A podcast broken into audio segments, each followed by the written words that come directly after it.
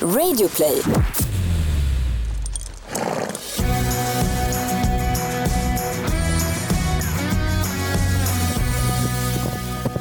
Ridklubben heter den här podden som handlar bara om hästar. Och vi som pratar om hästar och bjuder in gäster och pratar om hästar, det är jag som heter Gry Forssell. Och jag heter Rebecka Lagin. Och jag har precis köpt en ponny här tidigare i höstas till Mm. min dotter som är tio år gammal. Och jag har aldrig ridit så lite själv som sen vi fick ponnyn.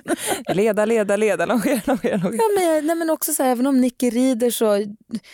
Det du vet, man vill vara fokuserad på vad hon gör. Ja. Jag hade kanske kunnat rida någon annan häst samtidigt som hon. Det kanske kommer snart men än så Exakt. länge känns det som att Man Man var vill- där och stötta henne lite. man var där och jag bara kolla läget, se att hon har, jag vet inte riktigt. Nej, Men jag har inte ridit på hundra år. det börjar bli dags snart. Verkligen. Hur ligger du till med din ridning? Jo men bra skulle jag säga. Jag försöker rida så mycket det bara går. Sen är man, ja, två barn, det tar massa tid. Nej men jag försöker rida i alla fall så här, ja men fyra, fem dagar i veckan. Alltså jag ska säga, jag har inte varit i stallet så mycket som på flera år som jag är just nu. Men jag har då inte ridit någonting. Nej men det kommer. Jag tror att nu vill man mest bara kolla så att Nicke, det känns bra för henne. Ja men faktiskt. Ja.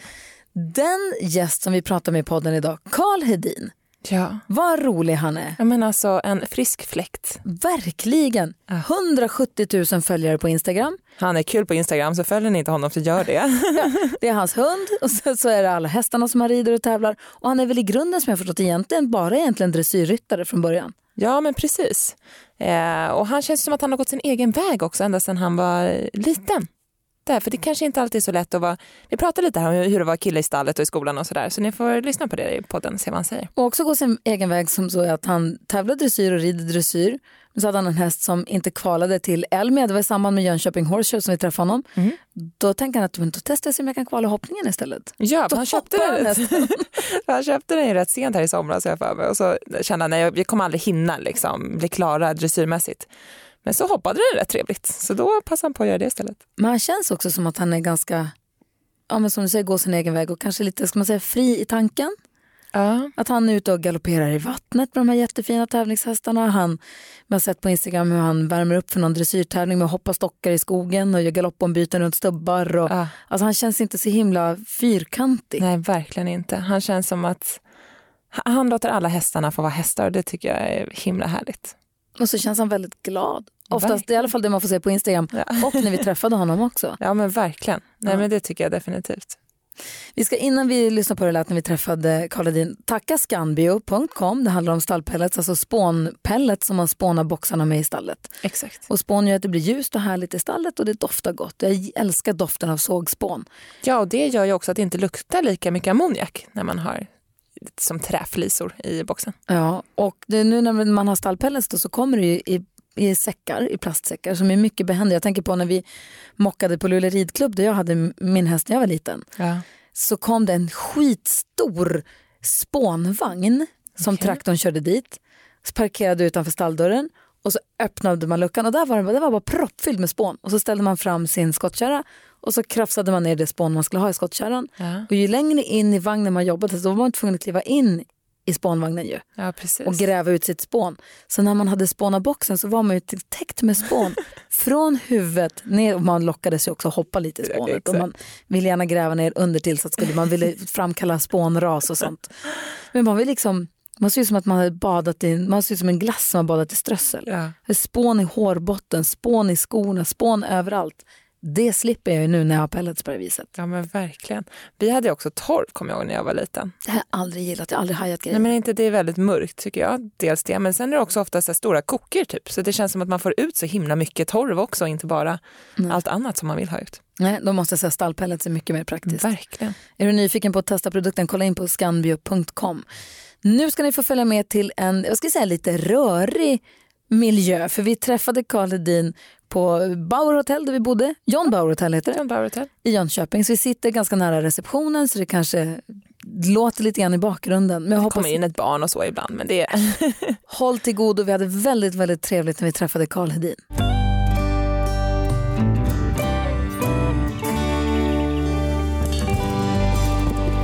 Jönköping Horse Show pågår för fullt och på hotellet inne i Jönköping så har vi nu slagit oss ner med Karl Hedin. God morgon. God morgon. Och hej, hur är läget? Det är jättebra tack. vi har inte ens hunnit börja spela in och vi börjar prata ponnyminnen, ponnytävlingsminnen. Så jag var tvungen att stoppa och säga stopp, stopp, stopp. Det, det, här är det good är content. inte bryta det. Men för du berättade, du red på ridskola i fem år. Ja. Eh, ha, kommer förvisso från lite hästfamilj men ändå inte en så här hästgårdsfamilj kanske på samma sätt som många andra? Ja, alltså jag har alltid väldigt svårt att förklara det där för ibland när man är med i någon intervju eller så ska man förklara vad man har för hästbakgrund eller om man har det eller inte har det. Och min mamma red ju jättemycket när hon var liten och min morfar framförallt var väldigt, väldigt hästintresserad. Och jag, min mammas systrar red ju jättemycket och tävlade hoppning på hög nivå och jag har en kusin som är ridit OS i fälttävlan så det finns ju jättemycket häst i min familj. Men sen var min mamma den av de tre systrarna som hade kanske minst intresse och slutade rida först. Och jag kan verkligen känna så att det har aldrig, aldrig varit mammas intresse att jag ska börja rida utan jag rider till trots att mamma är hästintresserad. Ja. eh, för det har varit något som, min syster red på ridskolan och hade sin egen häst och sådär. Men det har verkligen inte, aldrig känt det där att, ah, att jag, det, det, har varit naturligt att det måste bli häst. Liksom, Men så skaffade du, eller du fick egen ponny? Efter några års eh, ridskoleridande. Och hur gick det? Eh, det gick ju jättedåligt såklart. Alltså, det gick ju bra i det att man hade en egen häst och det var ju en vinst i sig. Eh, jag red på ridskolan i fem år i Borås och tyckte att det var jättekul och avancerade från nybörjargrupp upp till att liksom rida den här hoppspecialen och dressyrspecialen och de här lite bättre grupperna. Men då måste man också, hur var det att vara kille på ridskola? Ja, alltså på ridskolan var det aldrig några problem. På ridskolan var det alltid jätte... Kände du alltid välkommen? Alltså var det alltid, du kände aldrig så här att du kände dig men kanske ensam eller var ni fler killar där som red eller? Alltså jag kan inte komma ihåg att jag på ridskolan när jag red liksom i grupp och så, så kan jag inte komma ihåg att det nästan var någon mer kille. Så jag kan inte komma ihåg att det var någon jag red i grupper med. Att, jag kanske någon, jag kan inte komma ihåg det. Nej. Men sen har det aldrig varit svårt att vara kille på ridskola. Det är svårt att vara kill, ridkille i skolan. Det är det som är, har varit i alla fall, min upplevelse i alla fall. Att på ridskolan så är man ju bara där för att hålla på med hästarna. Och då Delar man intresse med andra ändå? Då struntar man om man är kille eller tjej. Eller... Jag har en son som är 16, han red tre år eller vad det var på ridskola. Jag tror att i, i stallet var väl den enda gången så här, när någon av slentrian säger så här, kom igen tjejer så går vi och bygger fram. Eller, ah. okej okay, tjejer är ni klara? Han bara, Just det. well, du vet, bara den lilla lilla tror jag. Men i övrigt så tror jag inte heller det var några problem just i stallet. Det var ja, kanske precis. lite mer i skolan. Så där. Eh, men sen var det nog jobbigare i skolan, absolut. Det var ganska svårt. Så.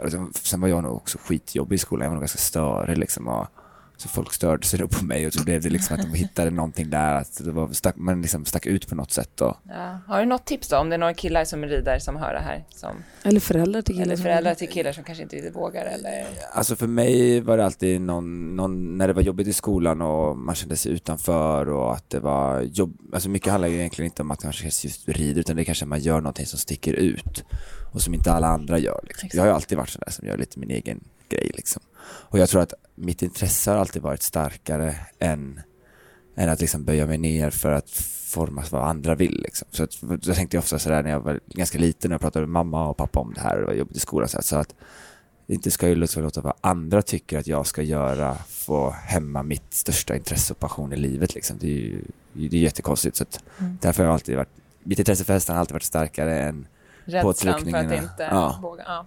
Men så började du tävla lite hoppning med ponnyn och, och att det inte gick så bra där, var det det som ledde till då sen att du började rida dressyr istället?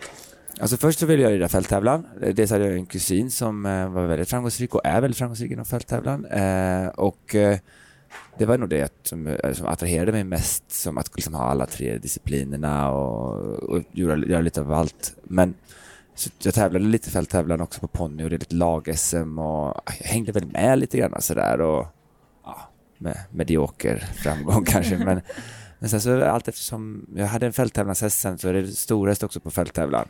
Men, mm, och i början hatade jag dressyr. Jag tyckte dressyr var det absolut tråkigaste som fanns. Och mamma var, eh, mamma är väldigt klok, så hon var ändå sådär att ja men det var nog rent så här, säkerhetstänk att du måste liksom kunna i alla fall styra ponnyn. Liksom. ja, det är en bra början. Förslagsvis. Ja, så hon var så här att du får inte tävla fälttävling när du kan liksom rida den på kontroll. Liksom. Så jag blev ganska mycket tvingad där kan jag komma ihåg. Så att måste rida dressyr idag igen. Liksom. Och det finns en så här jätterolig film när jag rider runt i någon hage där och bara så här, har jag ridit tillräckligt mycket dressyr nu så att jag kan liksom få bara släppa ut mig i vild. Nej, du får rida ett varv till på båten.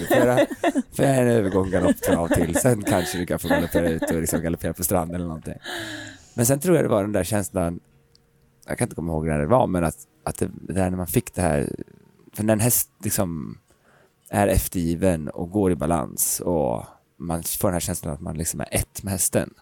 Då var det något som jag hittade som var väldigt häftigt i dressyr, tror jag. Som jag tyckte var, så här, gav mig en kick att, ja men vänta här är liksom, jag, hitt, jag hittade någonting där liksom. Det här att helt plötsligt så var det från att liksom, jag med liksom, med min, min kropp liksom kunde så här få hästen att svänga höger eller vänster till att så här bara, bara tänka det och att det blev Och nu något. jämför det lite grann med filmen Avatar. Ja, jag brukar dra det för jag, tycker Ja. jag gillar verkligen Avatar-filmer där när de tar den här flätan och bara så här länkar upp sig med Träden. Ja, med, med djuren när de tar Ja, den just- här och så länkar de upp Ja, just det, med fåglarna ja. Ja, de liksom kopplar in sig och det bara liksom att när de tänker så gör de det.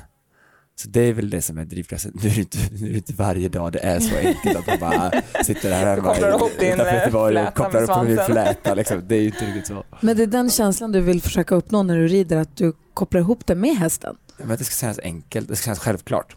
Det är nog det som är, att det, det som är, något som är supersvårt känns superenkelt. Det är nog det jag liksom letar efter. Och det är lätt att säga, det är svårt att göra. Väldigt svårt att göra. Jag har fortfarande inte en aning om hur man egentligen gör. Alltså, ju mer jag lär mig om hästar så lär jag mig bara att jag vet väldigt lite. Veckans powerdeal hos Svedol. Jalas! Rätt sko för rätt jobb. Alla fötter är olika och alla jobb kräver olika skydd. Jalas har skyddsskorna för dig och ditt jobb. Så den här veckan, välj skyddsskor från Jalas hos Svedol. För säkerhets skull! För säkerhets skull. Dåliga vibrationer är att skära av sig tummen i köket. Ja! Bra vibrationer är att du har en tumme till och kan scrolla vidare. Få bra vibrationer med Vimla. Mobiloperatören med Sveriges nöjdaste kunder enligt SKI.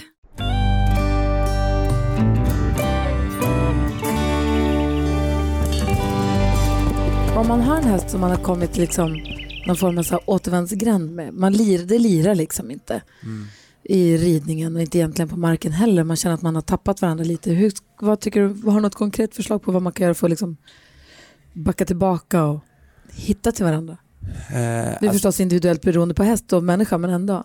men jag tror precis som du säger det själv, att backa tillbaka är nog väldigt bra. Tänker att alltid ta ett steg tillbaka till där man hade en känsla av att man hade samspel med hästen och det man kände att man liksom var på lika nivå. Man kunde få komma igenom och få kontakt med, med hästen.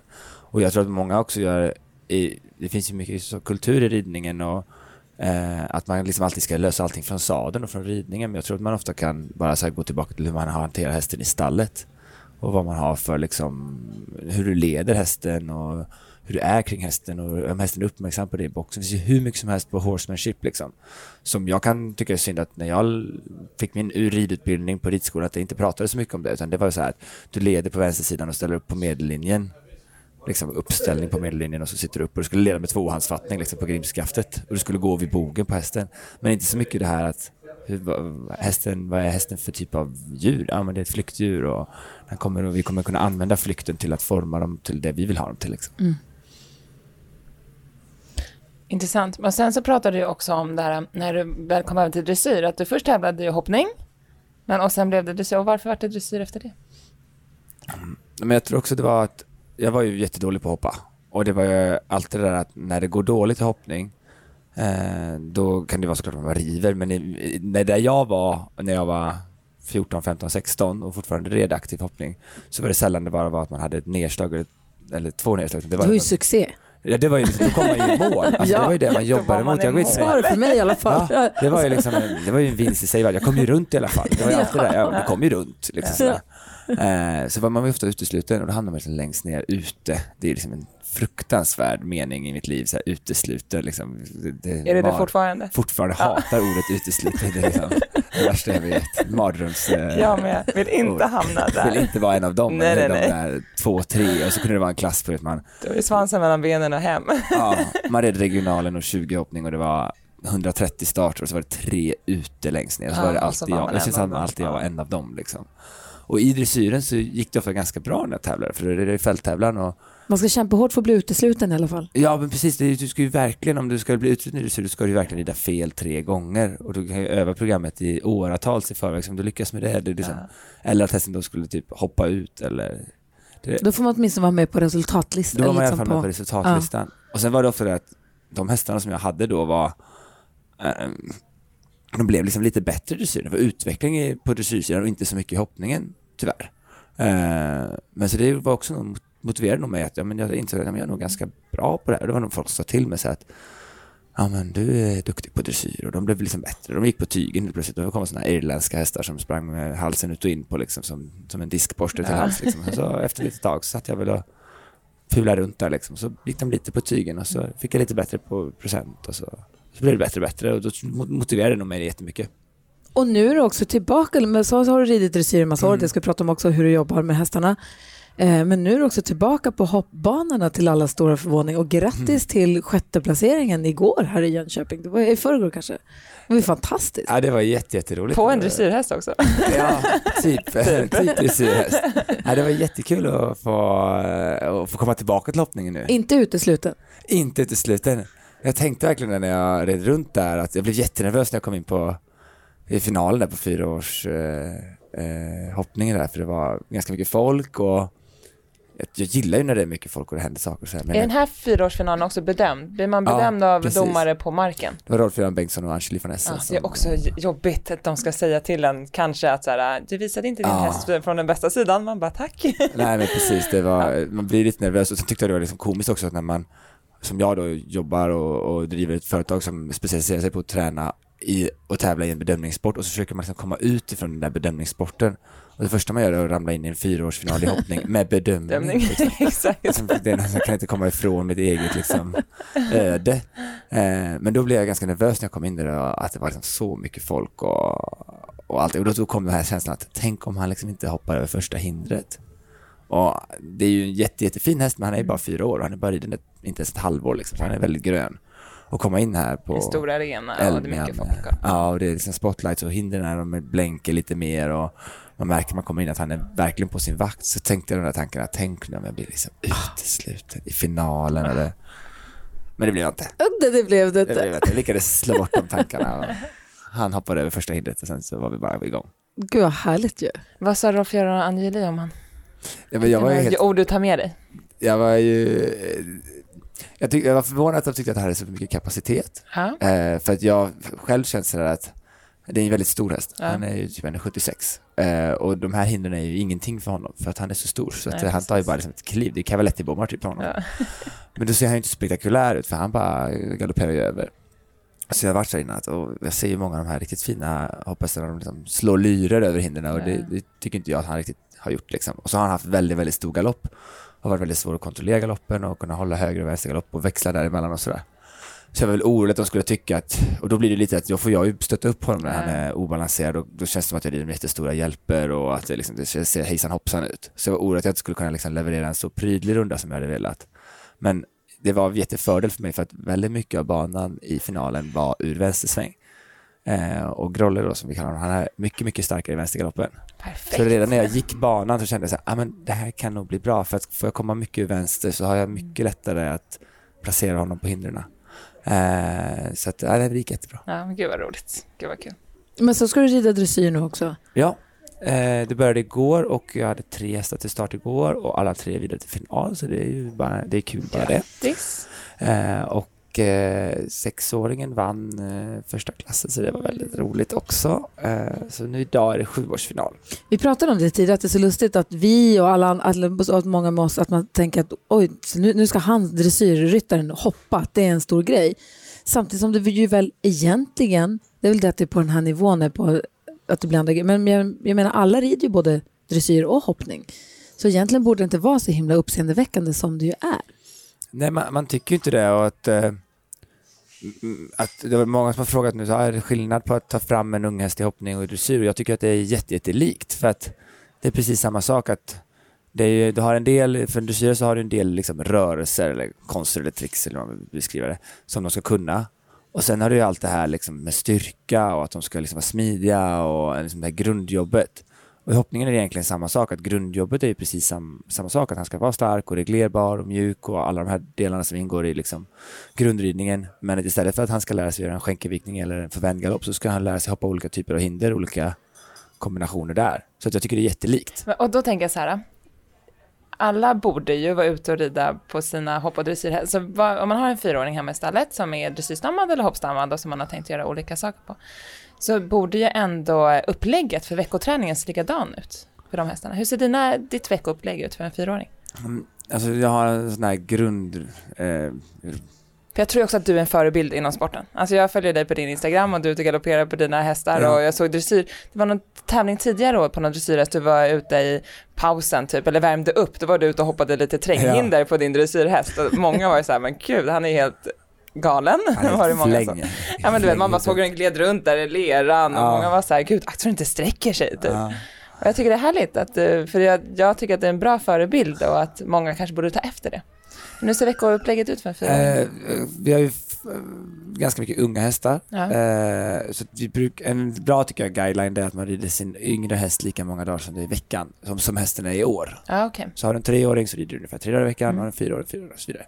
Så för fyraåringarna går de ungefär fyra pass i veckan. Alltså, Sammanhängande eller ett brott i mitten? Eller? mm, ofta måndag, tisdag, alternativ onsdag, Mm. torsdag, fredag tränar de på, alltså det kan vara dressyrarbete eller för dressyrhästarna så hoppar de ofta på onsdagarna för det är deras liksom, alternativa Ah, okej. jobb. Eller vi rider ut. Eller vi har ju fördel att vi bor väldigt nära havet så vi kan gå ner och skritta i, i vattnet liksom. Det är jättehärligt. Sen brukar jag säga att lördagar är så resursdag. Mhm. Och då kan det vara att det är, lite kul. För det, är som i skolan. Är det så att man har gått väldigt bra under veckan, Ja, då kanske man får vila helt. då får man morötter. Ja, då får man ut och vila helt. I obsklassen som får jobba på lördagarna. Ja, och är det så att man inte har gått så bra måndag till fredag, då kanske man får ett extra pass på lördag. Det kan också vara, och det här brukar min personal påminna mig väldigt mycket om, att om en häst har gått väldigt bra och Karl tycker det är väldigt, väldigt kul att rida på den hästen, då kanske han får gå ett pass på lördag bara för att Karl tycker, det är så kul, för att tycker det är så kul att rida på hästen. Då, då faller det lite där, men, eh, och sen så på söndagar rider de.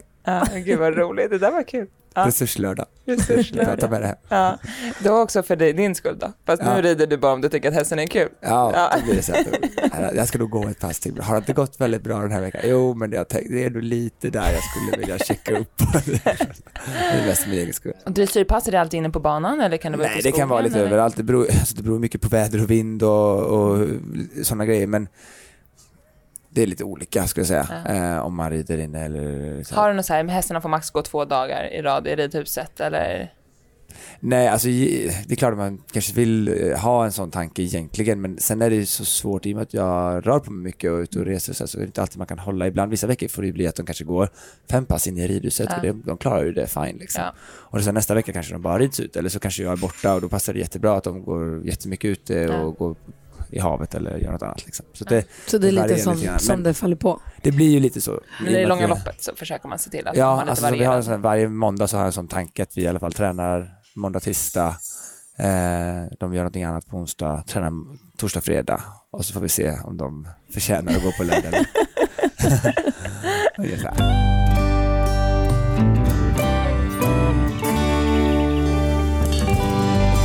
Det känns som att du har ganska bra självkänsla.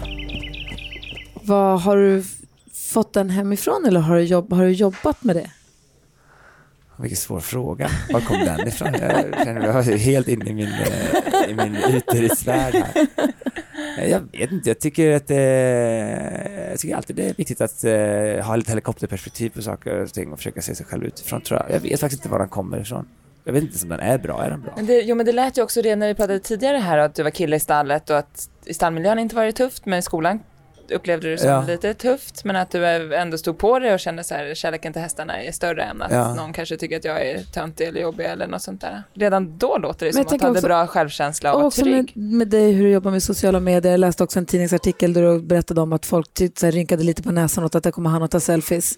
Ska inte han bara koncentrera sig på att rida istället? Men se på dig nu med dina nästan 200 000 följare på Instagram och, och det är också som en inkomstkälla Ja. och som en del av också den stora framgången förutom att du är väldigt duktig på att rida och hålla på med hästarna. Men den här, den här att du kör på din grej. Eh, ja, men jag tror att det alltid har varit väldigt starkt för mig att göra min egen grej. Och det är nog ingenting som jag har behövt liksom, träna upp utan det har nog alltid varit där att jag har, jag har nog aldrig liksom Ja, jag, men jag tänker tillbaka på min barndom och sen så var jag ju en väldigt udda barn. Jag gjorde liksom min egen grej. Så men jag har nog inte låtit omvärlden styra mig så mycket utan jag har nog alltid liksom kört, kört mitt race. Eh, och trott på det liksom. Och sen har nog mina föräldrar varit fantastiska att låta mig göra det. Och hela tiden var där och kanske sådär ändå, men du måste ändå liksom du måste ändå, de har alltid, för hästintresset har alltid varit väldigt starkt men också min, både mina föräldrar har varit duktiga på att så här, det är ditt intresse eh, och du ska göra det själv och min pappa varit väldigt noga med att säga, ja, men det är jättehärligt att du tycker om hästar så här, men du måste tänka så långt att du ska också kunna, om du vill leva av detta så måste du liksom tänka på det. Du kan inte bara så här rida och se rida. hur långt det Nej. tar dig liksom. För att vi kommer inte supporta dig genom livet i att finansiera din ridkarriär. Eh, utan att du måste hitta ett sätt för dig själv att skapa någonting ur detta. Sen vad det är eller hur du gör det, det spelar inte så stor roll, men bara du känner att du får det. Och kanske framförallt mest för min egen skull, för att känna att jag har, får ett eget självförverkligande och känna att man har kontroll på sin egen tillvaro. Liksom. Så det har nog alltid mina föräldrar varit duktiga på att ge mig mer än att åka till de bästa tränarna eller åka till de största tävlingarna eller köpa de bästa hästarna. Liksom. Men att, så här, att gör detta, vi supportar dig, men känn att det här, du måste få detta till att bli bärande liksom, på något sätt. För din egen skull. Inte för vår skull, men för din skull. För att du mår bra av att du har kontroll på din egen. Men var det självklart då att du skulle hålla på med Instagram och... Eller hur kom du in på den banan? Nej, utan det växte fram. Eh, jag har aldrig sådär sagt att nu ska jag bli influencer och nu ska jag liksom börja jobba med sociala medier, utan det började när jag var i Danmark så ramlade jag av. Jag jobbade där i ett stall och så bröt jag armen och så fick jag inte rida på sex veckor och då blev, fick jag sitta på kontoret istället. Och det här var då 2010 kanske och jag hade ju Facebook själv då. Eh, Men de, här stallet som jag jobbade för hade ingen Facebook-profil. Och mitt jobb var att filma och göra YouTube-filmer på försäljningshästar. Vi hade typ 50 hästar i stallet. Um, tyckte jag att det var synd att vi gjorde alla de här försäljningsfilmerna som var ja, förhållandevis proffsiga. Om man tittar på dem idag så vill man inte typ bara plocka ut sitt eget öga för de är så dåligt klippta och det är så dålig musik och sådär. Men på den tiden. Var det åtminstone vänster arm du bröt? Ja, Ja, bra. Tur. Ja, bara- Så ja. jag kunde liksom Ja. sitta med tangenterna på Ja. ögat och filma med filmkameran liksom. Men då tyckte jag att vi gjorde ganska snygga. Jag var ganska stolt själv för de här filmerna. Jag tyckte de var ganska välklippta. Idag är det som sagt fruktansvärt. Jag kommer aldrig dela upp upp med de här filmerna. Ska leta fram dem. Ja. Ja, leta fram dem sen. De är hemska faktiskt. Eh, jag kan inte förstå att någon köpte någon häst på de filmerna. Liksom. Det var så här, åh, dit vill vi inte åka liksom. Fruktansvärt. Men då så tyckte jag att det var synd att inte de liksom blev delade. Så jag, jag sa till min chef, kan vi inte göra en Facebook-profil? Så att gjorde vi en Facebook-profil. Han, var, han var, fattade inte vad det var. Han var, trodde att det var någonting med smink, kommer jag ihåg. Han tänkte, vad är Facebook? Vad är det för något? Vad, vad gör man då? Eh, Som att ta den computer man. Ja, men precis. Bara, vad ska du med den där? Eh, så då la jag upp det och så märkte jag ju som när man publicerade och var man publicerade och sådär att det hade olika spridning liksom. Och sen så växte det ju jättefort. Jag la ut lite sådana här fredagsfilmer och lite sån här marknadsföringsgrej, liksom lekte fram med det där med Du har sociala också pluggat medier. lite marknad, eller hur? Ja, precis. Det var efter, Så det jag hade finns varit, i- det var efter jag var i Danmark. Så då Ja. tyckte jag att det var hitta så här, ja, men vi fick ju typ på tre månader 5000 följare, vilket då motsvarar väl ungefär 5 miljoner följare. Alltså det var ju jättemycket folk på den tiden. Eh, eh, och men man jagade lite likes och sådär. Och sen så tyckte jag att det var kul. Så ville jag väldigt gärna plugga för jag ville ha gjort det. För jag kände så här att jag visste ju att jag ville hålla på med hästar. Och att det var mitt kall i livet. Men jag ville också ha provat på att liksom eh, känna det där att jag har, får distans till hästarna i det att jag hade provat någonting annat också. Jag vill inte gå genom livet och tänka så här, vad hade det blivit om jag hade läst på ett universitet? Hade jag fått liksom tycke för det och börjat med någonting helt annat? Men det enda som jag kände när jag var på universitet var ju hur mycket jag tyckte om att jobba med hästar. Liksom. För när vi satt där och hade marknadsföringskurser kurser och workshops så satt jag och bara tänkte, ah, men det här kan jag ju ta med i det här företaget. Tänk om man kan applicera det här på hästarna liksom. Och sen var jag jättebra på att skolka, åka och rida hästar i England och började rida sådana här rika tanters hästar, du vet lite extra där och åkte runt och i min bil där. Drömliv. Ja, där, plugga lite på dagen, rida lite hästar där, i afternoon tea. Så, så jag gjorde egentligen precis det jag alltid har gjort liksom. Så jag pluggade bara ett år i England och sen kände jag nej, det här var ingenting för mig. Men du provade ändå? Eller Jag liksom? provade ändå. Ja, men jag, det känns jätteskönt för jag har provat det, det var liksom inte för mig och det var inte så att jag Gud, jag satt och fastnade precis på vem man helst skulle vilja vara. Den som kom och red hästarna eller om man vill vara den rika tanten i England. Ja. Just det. Just nu rida hästarna, sen rika tanten. Ja. Rika tanten kanske får rida sina hästar ibland. Ja, men det, Då ska jag kunna vara den. hon kunde hoppa upp lite på, hon kunde hoppa upp lite på slutet och säga oh, he feels lovely Carl, you're doing an excellent job. Åh, Och det var alltid det här att man skulle ha en, en foreign trainer. Jag kommer ihåg när jag flyttade dit, då hade jag mycket mer svensk brytning och det kändes som att då, då var det lite roligare att man kom för då var man såhär, ah, my, my international trainer is coming here. Fick du skamliga förslag av dem? Nej, det fick jag inte. Nej, nej, nej. Det får du hålla i ditt eget huvud. Det får din egen fantasi styra. Det fick jag inte. Det var inte på den nivån. Kul, de kunde bete sig. De kunde bete sig. De hade manners. Ja, Okej, men och efter det, det var då ditt Instagram-konto växte fram egentligen? Ja, det var nog när jag var i England och under den tiden som det började lite grann sådär att jag ja, jag vet inte vad det var. Jag gjorde något, något roligt klipp med min hund eller med min häst och så började det få spridning och så tyckte jag att det var, så tog jag lite den kunskapen jag hade från när jag hade varit i Danmark med de där försäljningsfilmerna och så typ applicerade det att okej men publicera den här tiden på dagen då kommer mitt, min, mitt material komma liksom högst upp för då kommer folk hem från jobbet så jag vill ju tajma det när de kommer hem typ. och- Det är helt, när är bästa tiden på dagen att lägga upp ett inlägg? Nej, men det, tyvärr är det här, i, i, sociala mediesammanhanget så är jag ju en dinosaurie liksom. Jag är ju jättegammal eh, och det har ändrats väldigt mycket den här algoritmen. Det var mycket lättare back in the days. Eh, 2012 för då var det, liksom, då var det som en kortlägg, då var liksom kortet längst upp Ah, när du okej. publicerade. Jag hatar algoritmen. Ja, jag, jag vet, jag, jag, tror, tror också- alla hatar algoritmer. Ja, faktiskt. Men är det inte så att också nu Instagram, om man nu ska bli lite så att Instagram också premierar filmer mer, precis som Facebook gör, Ja. eh, att rörligt premieras av Instagram så att det hamnar högre upp och också att man ska nog lägga senare vad man tror, om jag har förstått sociala medier-gänget på radion rätt. Ja. Alltså folk kollar ganska sent på kvällen. Ja, det tror jag också. Eh, jag, när, jag, när jag tyckte att jag hade koll på algoritmen, eh, då publicerade jag alltid mellan 8 och 9 på kvällen. Ja. Och då, då slog det liksom ganska väl ut och då kunde jag märka jätteskillnad när jag publicerade klockan 6. Att jag fick inte alls lika mycket eh, liksom, eh, engagemang i posterna.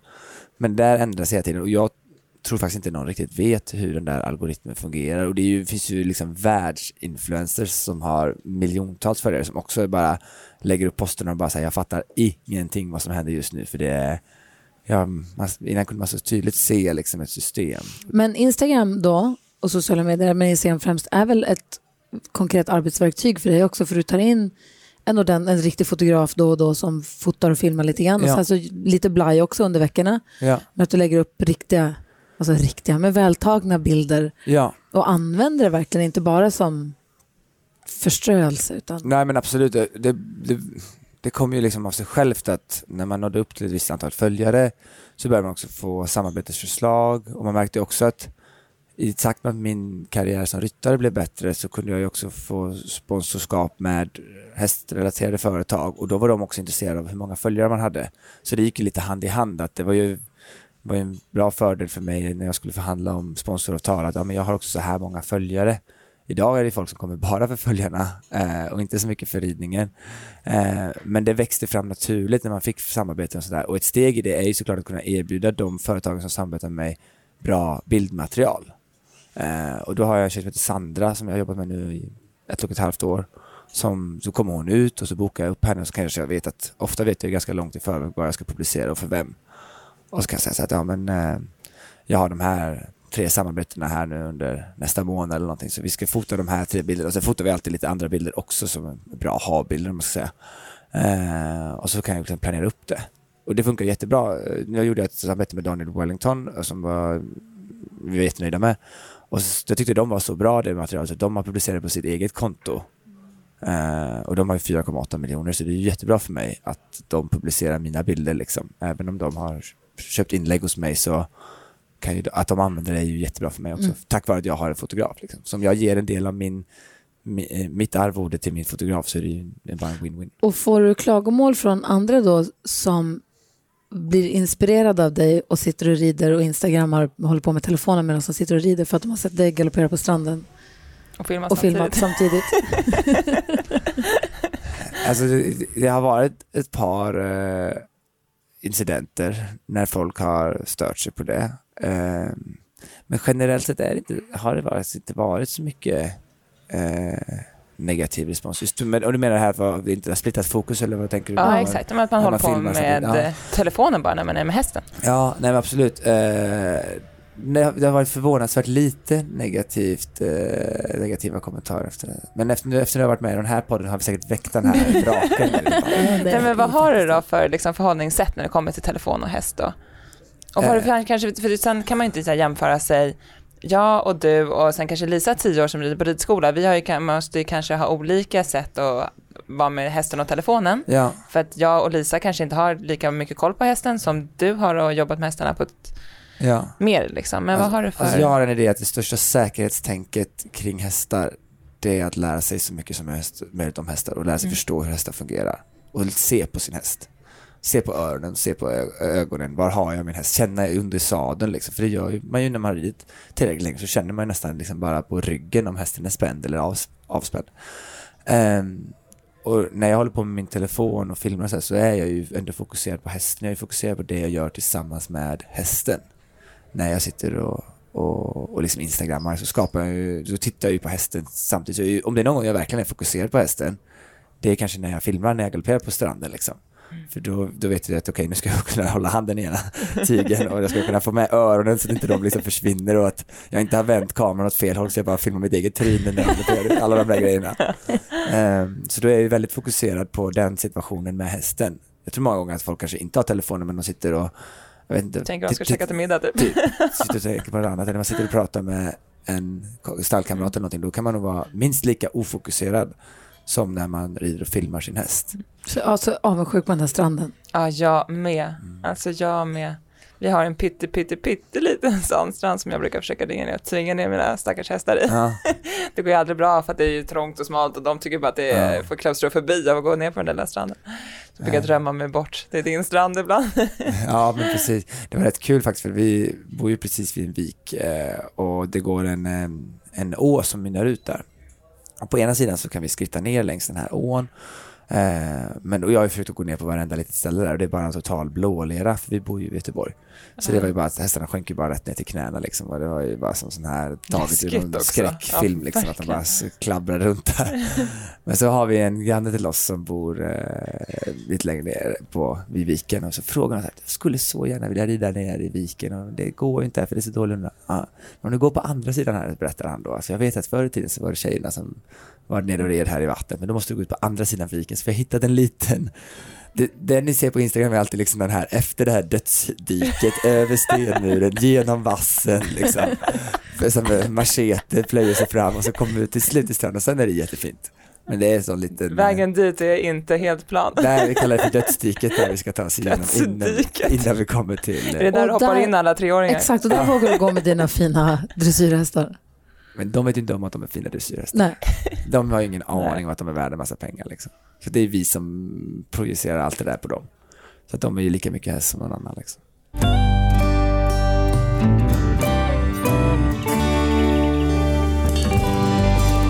Apropå Instagram och tjusiga hästar, du hade en kul fråga angående fotogenikhästar. Jo, precis. Om du hittar en häst som är, wow, alltså den rör sig helt magiskt, Ja. men den är svinful på bild. Skulle du köpa den?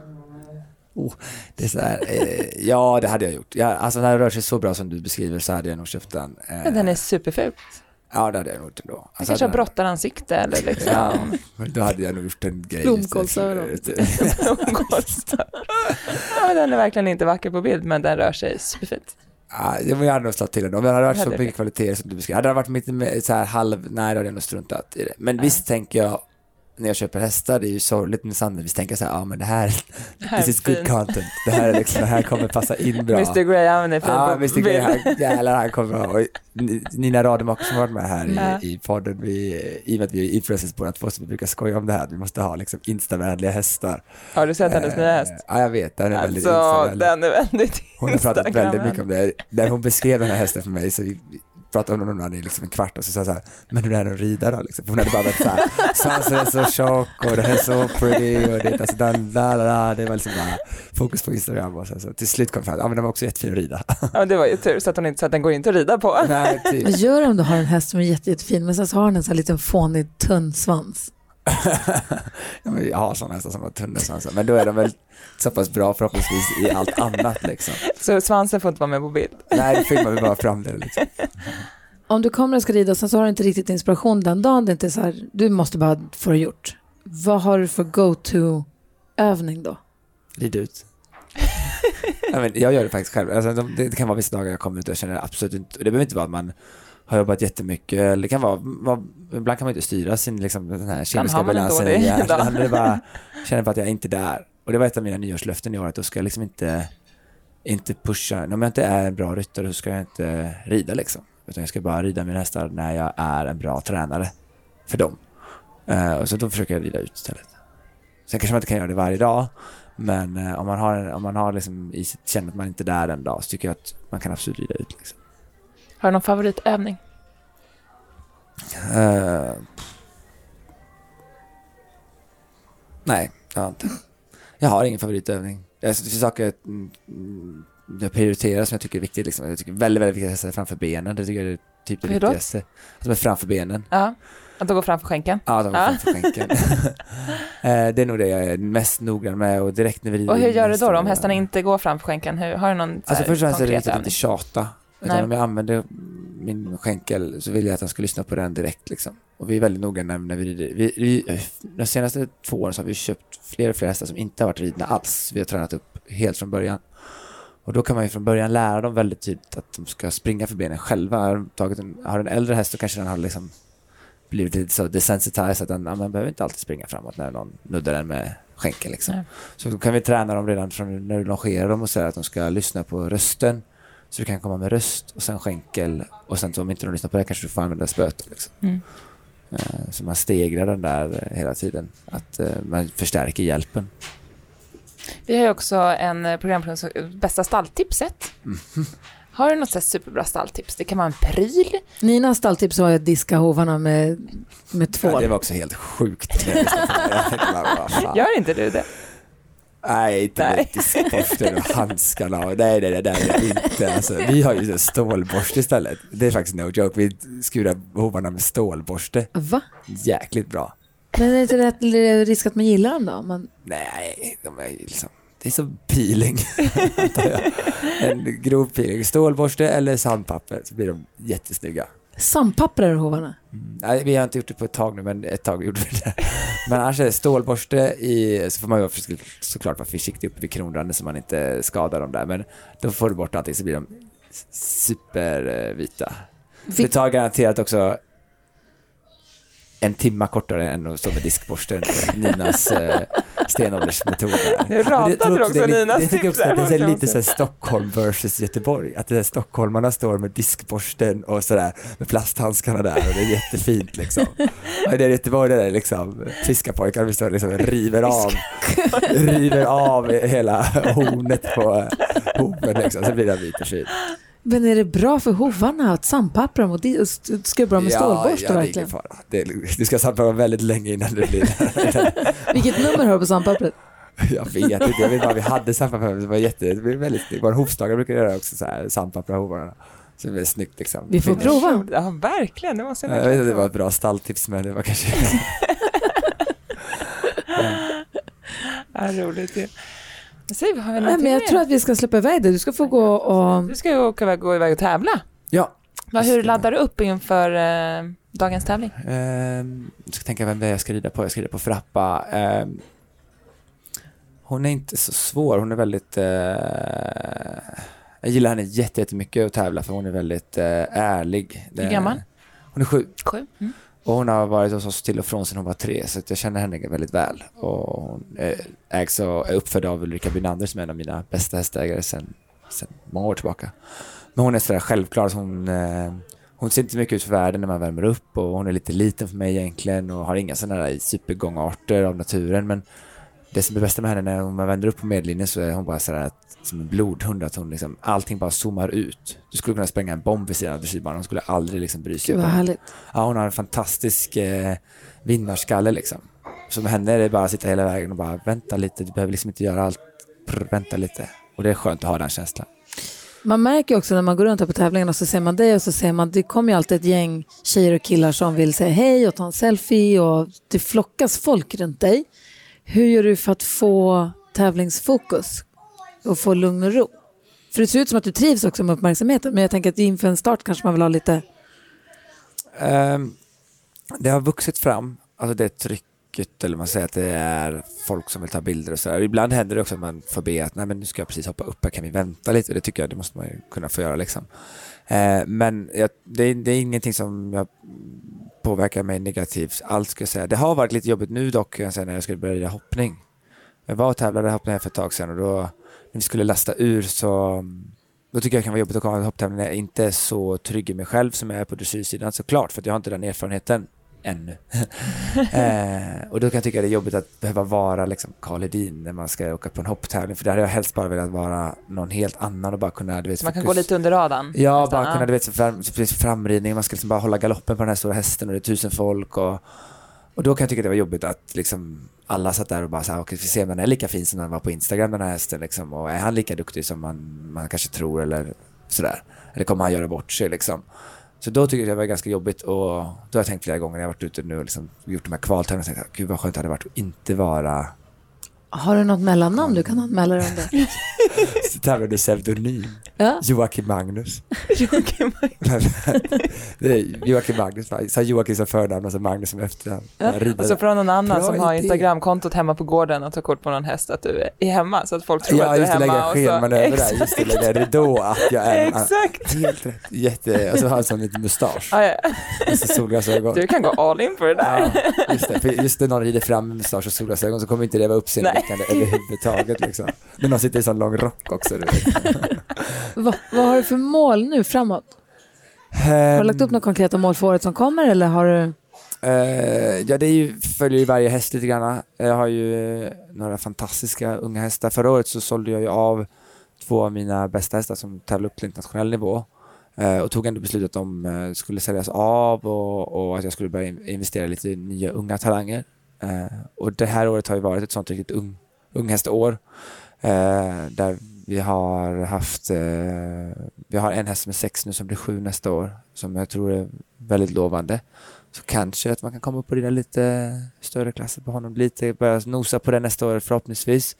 Eh, annars får det liksom följa hästarnas ålder. Det, det är inte så ofta det trillar in en åttaårig fantastisk eh, häst med, liksom, som är Instagramvänlig och som har allt det där vi söker. In, det trillar liksom inte bara in i stallet. Utan, och jag är fortfarande i det läget att om jag ska investera i nya hästar så måste jag börja i ganska ung ålder. Eh, Och så kanske man måste sälja dem när de har blivit större och lite bra för att liksom finansiera ditt företag Ja. kan jag tänka mig. Jag Liksom. säljer väl kanske en eller två sådana där riktigt bra unga hästar förhoppningsvis om året. Ja. Eh, och så man kanske ändå kan ha, behålla någon, en eller två som får lov att bli lite äldre liksom.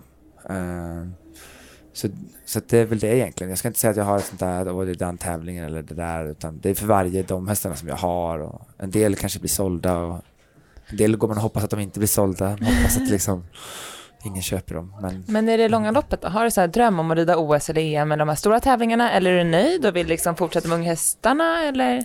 Nej, jag tror absolut att det kommer att, eh, att bli så att jag vill rida i de stora mästerskapen och figurera verkligen få vara med där. Men jag har varit, känt ganska tydligt själv att jag inte haft det fundamentet som behövs för att kunna göra en sån OS-satsning. Eh, eller just OS-satsning är ett dumt ord för det är som att det bara är det det gäller, men att satsa på att bli, vara liksom, Bäst i världen? Typ. jag blir bäst i Ja. världen, typ. Det var ännu, ännu värre. Jag vet inte om det var bättre eller sämre, men, eh, men jag har inte känt det själv att jag har haft det fundamentet. Nej. För jag har inte så lust att göra bara en sån här one trick pony och bara liksom, ja, jag har en häst och så ska jag liksom rida dit upp och sen så faller hela vägen Mm. ner. Utan jag vill ha en, en stark en stark fundament och som man kanske då, det kommer inte vara, jag hoppas att det inte ska vara förvånande när det kommer en ny häst sen. Liksom, så den, jag jobbar väldigt mycket, på så sätt är jag nog ganska långsiktigt. Jag försöker verkligen att ha den här starka basen att stå på. Och det gäller ju inte bara hästen, det gäller ju team och att företaget måste vara liksom eh, så pass etablerat att det, det bär sig själv liksom, så att det hela tiden finns så att jag kan plocka upp nya hästar och behålla någon häst. Så det är så många delar och just nu så tycker jag att de delarna är viktigare för mig att utveckla än att liksom, sitta varje dag och, drömma om just det här mästerskapet. Men vi får väl se, jag, jag kanske får komma tillbaka till ridklubben-podden här några år. Några du... år någonting. Då kanske jag är mer ett ställe där det börjar, liksom, den, det börjar liksom kunna bli en verklighet. Att Vi följer dig gärna på din resa mot OS. Ja, vad kul. Jätteroligt. Skithärligt att få prata med dig. Jättekul att få vara Och, med här. jag vet inte om du vidskeplar eller inte, men lycka till i eftermiddag. Tack så mycket. Lycka till. Tack så mycket.